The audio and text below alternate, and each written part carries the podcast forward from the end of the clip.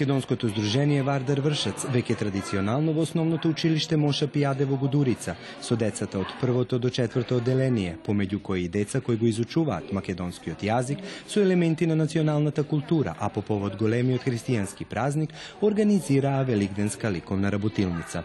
Македонско здружение Вардар секоја година со основно училиште, ево веќе традиционално четврта година, организира Велигденска работилница по повод на најголемиот христијански празник Великден со учениците од прво до четврто оделение. Во ова година имаме ликовна работилница каде децата ги осликуваат своите великденските јајца. Сите овие радови ќе бидат печатени во нашето детско детското списание на македонски јазик Зуница, кој излегува во Република Србија и на секое дете друженијето обезбеди великденските пакетчиња и се разбира великденските јајца кои подготвувале нашите домакинки од Гудорица. Сакам да се заблагодарам на училиштето бидејќи дека од самиот почеток на основањето на нашето здружение имаме многу убава соработка и многу реализирани проекти до сега. Од минатата година или од оваа учебната година во училиштето се изучува и македонскиот јазик со елементи на национална култура, така да али но освен новите учениците, сите учениците се вклучени во проектите кои ги реализираме и се надеваме дека и во едината така ќе продолжува и голема благодарност и до родителите и до учениците и до е, директорите и учителите во училиштето. Покрај прекрасната ликовна работилница на кој деца на ова основното училиште ги слика великденските јајца во разни ликовни техники за пренесување на великденските обичаи кај македонците во Гудурица, беше задолжена членка на Сдруженијето Вардар Вршац Лепа Ристовски. Ускрс е на македонски голем празник, Великден се века. Тоа е христијански празник. Мислим се слави исто и овдека, како и во Македонија. Фарбаме јаја, големи четвртки, се фарбат јајца, претежно во црвена боја. Тоа е символ боја поводом а, Христо, Исуса Христоса, проливена крви. Ние фарбаме и во кромит. Најпрактични и најубава фарба во луко. Тоа е и здраво, природна фарба. Секако, голем придонес на организирањето на ваков вид работилници заслужно и раководството на ова основно училиште, како и вработените. U našoj školi često se održavaju ovako jedne lepe radionice, pogotovo znači imamo veoma lepu saradnju sa makedonskim udruženjem. E, takođe smo veoma aktivni znači i u drugim ove aktivnostima, znači evo kod nas organizuje znači i škola na Makedon, znači na makedonskom, deca pohađaju nastavu, veoma su zainteresovani, veoma su srećna znači e, na tim časovima i danas e, u okviru baš makedonskog jezika, znači a i i ranije imali smo znači, praksu i praktikovali smo znači, da često organizujemo radionice povodom uskrsa, velikog vašašnjeg praznika, znači tako da su i deca danas znači, na časovima e, svoje, znači e, likovne kulture, e, eto u pozdravu velikog praznika napravila ove divne ove figurice od papira i svega toga, jel tako? E, zatim veoma su, kažem, srećni u ovim aktivnostima, a Makedonsko udruženje to zna da prepozna i da ih nagradi lepim poklonima i nagradama, što mora da i poklone su veoma ovaj, e, za saradnju dobri, znači tako da se to deci daje dodatni stimulans u radu, znači tako da željno očekuju znači ove praznike i druženje sa organizacijom Makedonaca. U ime svih zaposlenih se zahvaljujem Udruženju Makedonaca Varda svim njihovim predstavnicima i članovima što svake godine bar po dva puta imamo zajedničke aktivnosti gde ste vi veoma kreativni i gde ne samo vašo pokazujete kreativnost, nego nešto se i svaki put nauči novo. I o srpskoj istoriji i kulturi i naravno makedonskoj. Hvala pre svega i predsjedniku Darku Hristevskom iz Gudurice, koji to radi iz naj, najbolje namere, je Guduričanin, i školu je on našu završio i svakom čast i gospođi Lepi. Aplauz za sve njih.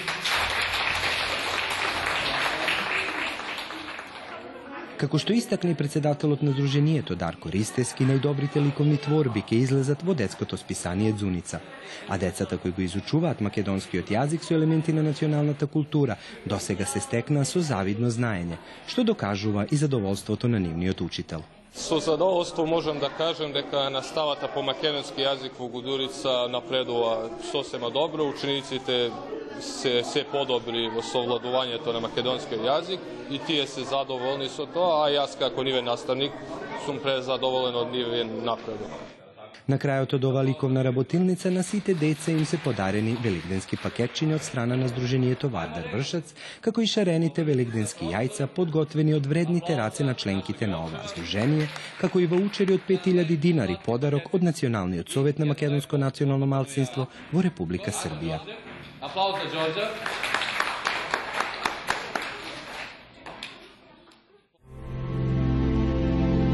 Гледате палету. Избор из емисија на језицима националних заедница.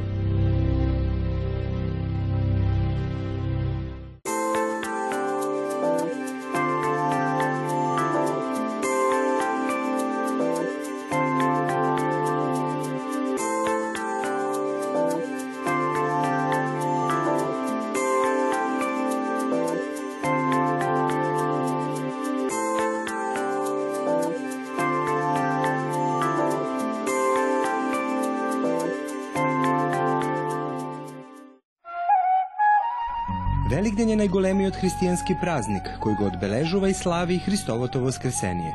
Екипата на Македонско сонце ја посети фамилијата Руфчески во Нови Сад, каде не пречека љубезната домакинка Драгица.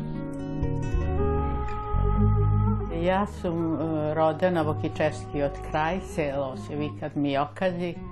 Тоа е едно мало село, се сеќава како да не, овај, To je Vaskrs je najgolemijot praznik i najradosten. I to ovaj, vapcanje na jajca i ovaj, to ide na sred celo se sobira cite, pa se ovaj, do, doveduvati muzika, se igrat, omladinata, postarite od strana gledat, razmenuvati jajca, to je, to je ovaj, najgolemijat običaj za toj praznik. Obavezno beše da se sošijet fustan nov koji se prvi pat oblekuva po mogućstvu da bude čaren više na crveno, na radost. Главното одбележување на Великден се вапцани јајца. Порано се бојадосували само црвени јајца, а се верува дека овој обичај потекнува од Марија Магдалена, која според Библијата однела јајца обоени во црвена боја пред тогашниот римски цар Тибери, кога се дознало дека Христос воскреснал.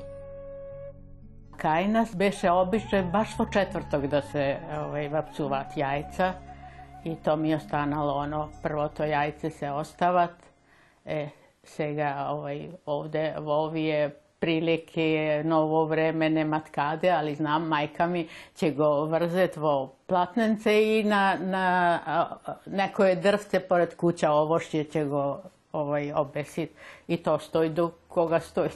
Последни години баш ида на црвено. Порано сакав и да нашара и во други бои, а боите некои успеваат во други бои, некои не, али сега црвени само овој Фарба. Христијаните се радуваат на великденски обичај, а посебно децата. Во разни делови на Македонија важат различни обичаи, па така некој вапца јајца на Велики четврток, некој на Велики петок или пак Велика сабота. Некој ги вапцат јајца само во црвена боја или со кромит, а некој ги шарат на најразлични можни начини. Се собираме сите на ручек, кај мене, фала Богу, уште можа и ovaj, se poslužuva prvo jajcina, pa kršenje, pa taka radost na decata. Imam tri vnučina, tuka se. I ovaj, radost je i toga. Odam vo crkva, ali ne prvi den, ovaj, zato što i povikovam decata na ruček. Drugi den odam v crkva. I tako povremeno ovaj, stalno odam. Покрај сите обврски во домаќинството, на Драгица ја останува време и да се дружи со другите македонци во Нови Сад, а и понекогаш оди и во Сдруженијето на македонското малцинство Кирил и Методи.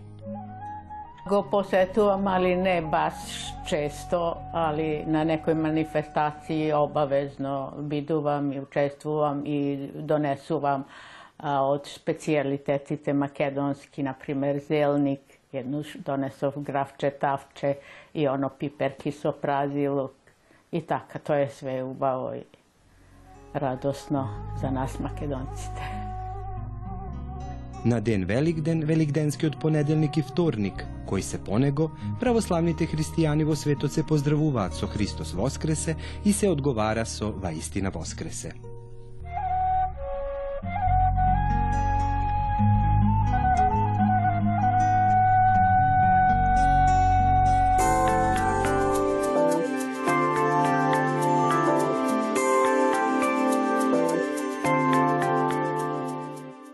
Од 13 до 21 март, любителите на уметноста во Белград во галеријата Прозор имаа прилика да ги видат делата на академските сликари од Македонија, Јана Куновска и Емил Шулајковски од Скопје. Излагам со мојата многу драга колешка и пријателка од детството, Јана Куновска, со која веќе сме пријатели повеќе од 35 години. И после тоа долгогодишно пријателство решивме да излагаме самостојно и решивме во Белград. Ова е прв мој настап со Емил Шолајковски. Иначе ние сме пријатели многу долго време. Заедно учевме во школа, заедно студиравме на факултет и ова е на наша прва изложба вака, интересна, со целосна наша различност. Луѓето ни се чудеа, вика, како вие сега ќе се представите, туку сте различни, но напротив, искочи многу симпатично и таа различност не одвои, а од друга страна му не приближи и не спои.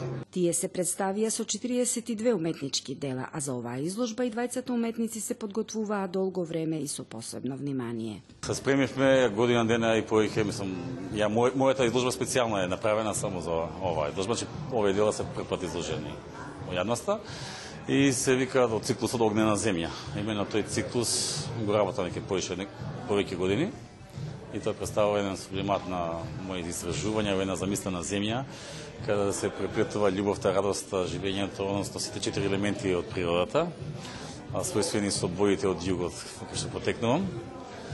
И раскажувам за убавината на природата, за убавината на живењето, оптимизмот и све она што не обкружува.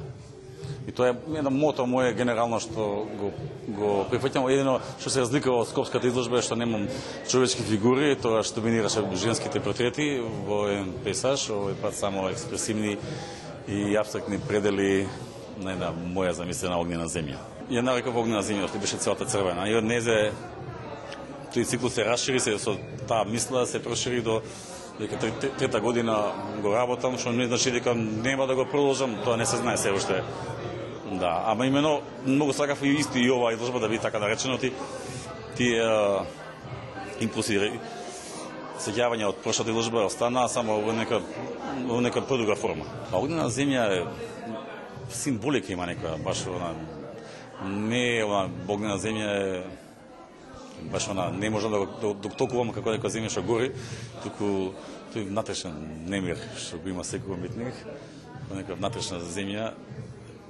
така се го трансформирав како наслов. Имено, како наслов ми беше една слика што ја работа пред три години, кога почнав циклусот. Посетителите беа воодушевени од изложените дела, а многу мина со восхит стоеа пред прекрасните цртежи и слики на Јана Куновска, која претежно се бави со човечката фигура. Тука се работи за еден проект кој засебно беше насловен одгласок на глувите во Македонија, а сега овдека е насловен Тажни мачки и мали ласцивни ластовички. Овој опус е многу интересен, значи се работи за човечки фигури кои се изработени во јаглен. Има еден дел каде што се користи маслена техника. А, тоа се урбани цртежи во природна величина и се не секојдневни во, наш, во нашите кругови цртежот не е толку изработен и доста делуваат на стрип. И покрај различните теми, стилови и техники во изложените дела кои беа распоредени во заеднички простор, а сепак посебно, кај посетителите привлекуваа подеднакво внимание. На отварањето на изложбата присуствуваа голем број на љубители на уметноста, уметници и нивни пријатели од Белград.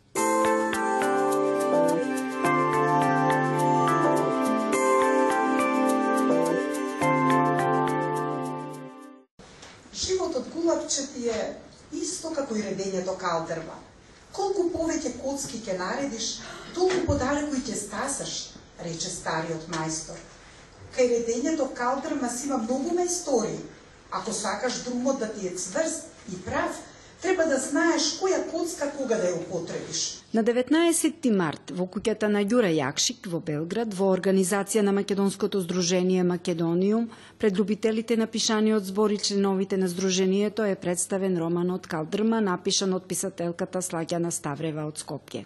Писателката Слагјана ја запознав практично преку Фейсбук, бидејќи објавуваше неколку наудио од романот и во тие во тоа четиво пронедов нешто што го препознав кај на кај нашите балкански жени и како што таа вели во текстот балканската или македонската жена и како вејка таа на сите ветрови ќе обстане, ќе остане исправена, кога треба ќе се свитка, меѓутоа ќе ги издржи сите ветрови сите бури во животот, ќе го сочува своето семејство како најдрагоцено благо, меѓутоа и ќе придонесе како жена во сите сфери на животот, социјален, културен, политички.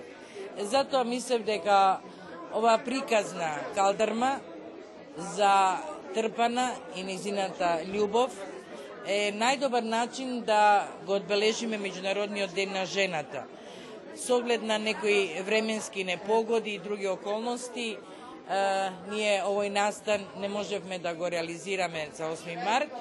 Еве вечерва во пресвет на пролета е, се собравме тука со нашите гости од Скопје, со авторката и незините промотерки и мислам дека а, и, и ние заедно со нив а, изодивме еден прекрасен пат во минатото, ги спознавме нашите корени, нашата традиција, нашата топлина, нашата љубов и е, пораките се многу големи и мислам дека е, секој, сите овде присутни се претворија во уво и ги се прелија со големи емоции кон својата земја, кон својот народ. Овој роман и е посветен на жената, а писателката Слаѓана Ставрева го пишува после исцрпно истражување. Почна сосема наивно, бев фрапирана колку наши луѓе не знаат многу елементи од нашата традиција и за некои настани кои што со генерации ги имало, ги негираат како да не постоели и не биле наши. Во исто време имавме провокација од нашите соседства, кои тврдева за некои обичаи дека се исклучиво нивни, имав потреба да ги соберам на едно место и поради тоа истражував повеќе од три години. Меѓутоа тоа не можеше да оди така само како традиција напишано, мораше да има некаква приказка, така да се создаде приказката за Никола и Трпана, за нивната љубов, низ чии животи се преточива сите адати приказката не е само за Никола и Трпана, туку е за цела една плеада ликови кои што се нивни предци, нивни комши, нивни пријатели. Романот е поставен во период 960-940, значи го отпаќа тој период. Има пишуване малку на архаичен јазик за да го долови времето и она што е интересно во целиот роман, главните ликови говорат на тетовски диалект. Јас не сум тетовчанка по потекло, меѓутоа се влюбив и во тетовскиот диалект, во нивните обичаи, во нивниот јазик, по потекло имам потекло од Бостиве, а меѓутоа тука најдов многу материјали и тоа беше една ризница од кај што може да црпам многу по, а, потребни податоци. Преку извадоците од романот кој ги читаа Мирјана Глигорова и Весна Цветковска од Скопје, присутните имаа прилика да се запознаат и со делот содржината на романот Калдрма. Еден ден, кога имаше само 4 години, мајка му дојде од кај усрести целата насмеана и застана до него со нешто стулаено кое го држеше в раце. Елеја трпана, га донесов да ја видиш, му рече. Тој слипа како попарен од малото столче на което тогаш седеше, се исправи и решително ги испружи своите рачиња кон мајка си. Таа изненадено и затечено го погледа несигурна дека двете испружени рачиња ќе бидат безбедни за малата душичка. Ке можеш ли да го држиш? го праша внимателно. Ти си уште многу малав, додаде таа. Моем, моем, свика Никола со возбуда. Тогаш мајка му многу полека и внимателно ја спушти во неговите испружени детски рачиња и под нив ги испружи своите од страв да не ја испушти. Свој придонес во промоцијата на оваа дело даде и пеачката група Македониум, која изведе неколку македонски песни. Не плачи, мило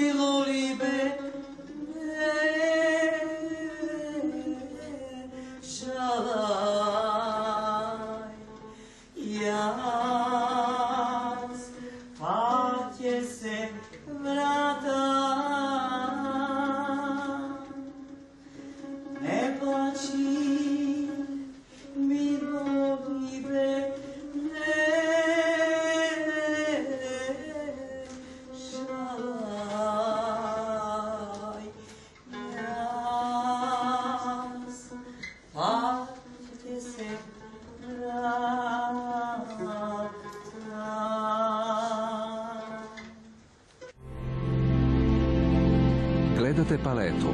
Izbor iz emisija na jezicima nacionalnih zajednica.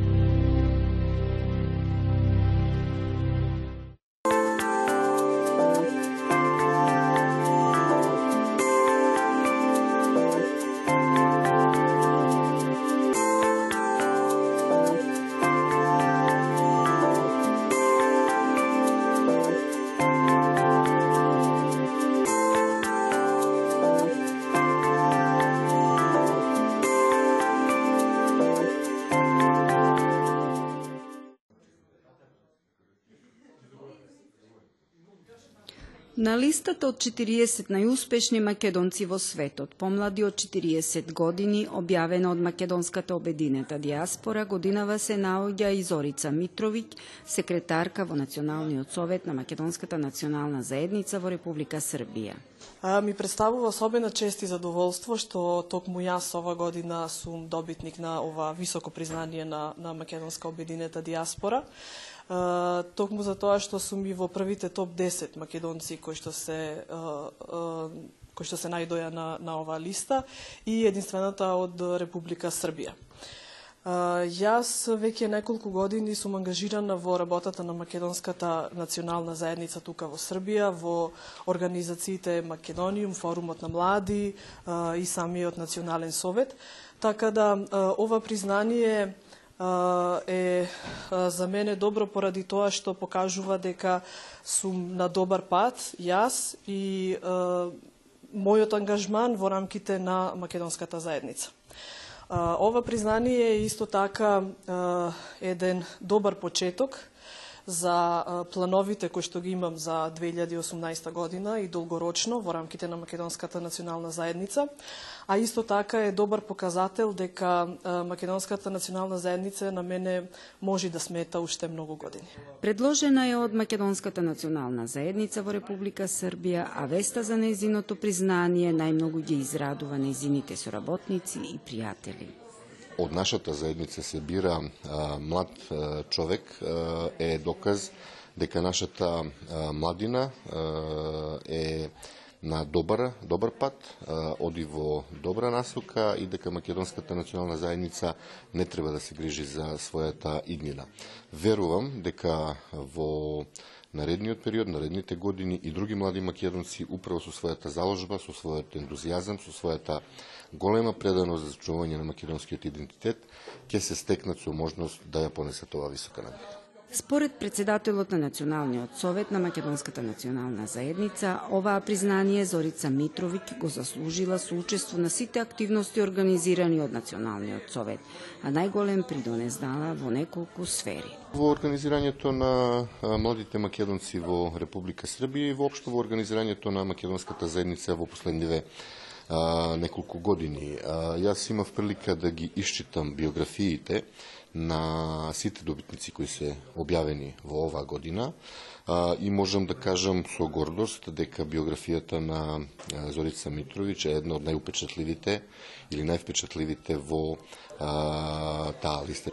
Ангажирањето на академскиот скулптор Синиша Новески на оваа поле во изминатите две години ги даде првите резултати.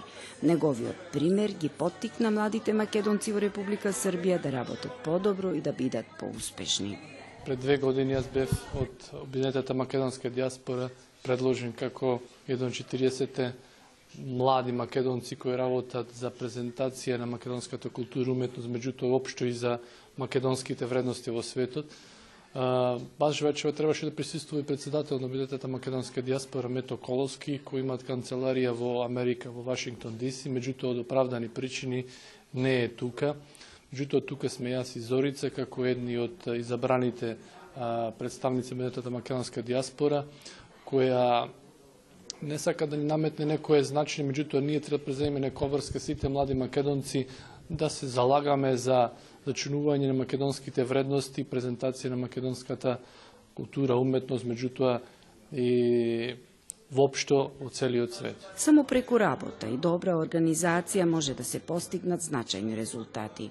Оваа номинација е добар пример за младите кои треба да учат и создаваат, а избраните меѓу нив и Зорица Митрови ќе ги мотивира да продолжат со работа со уште поголем елан.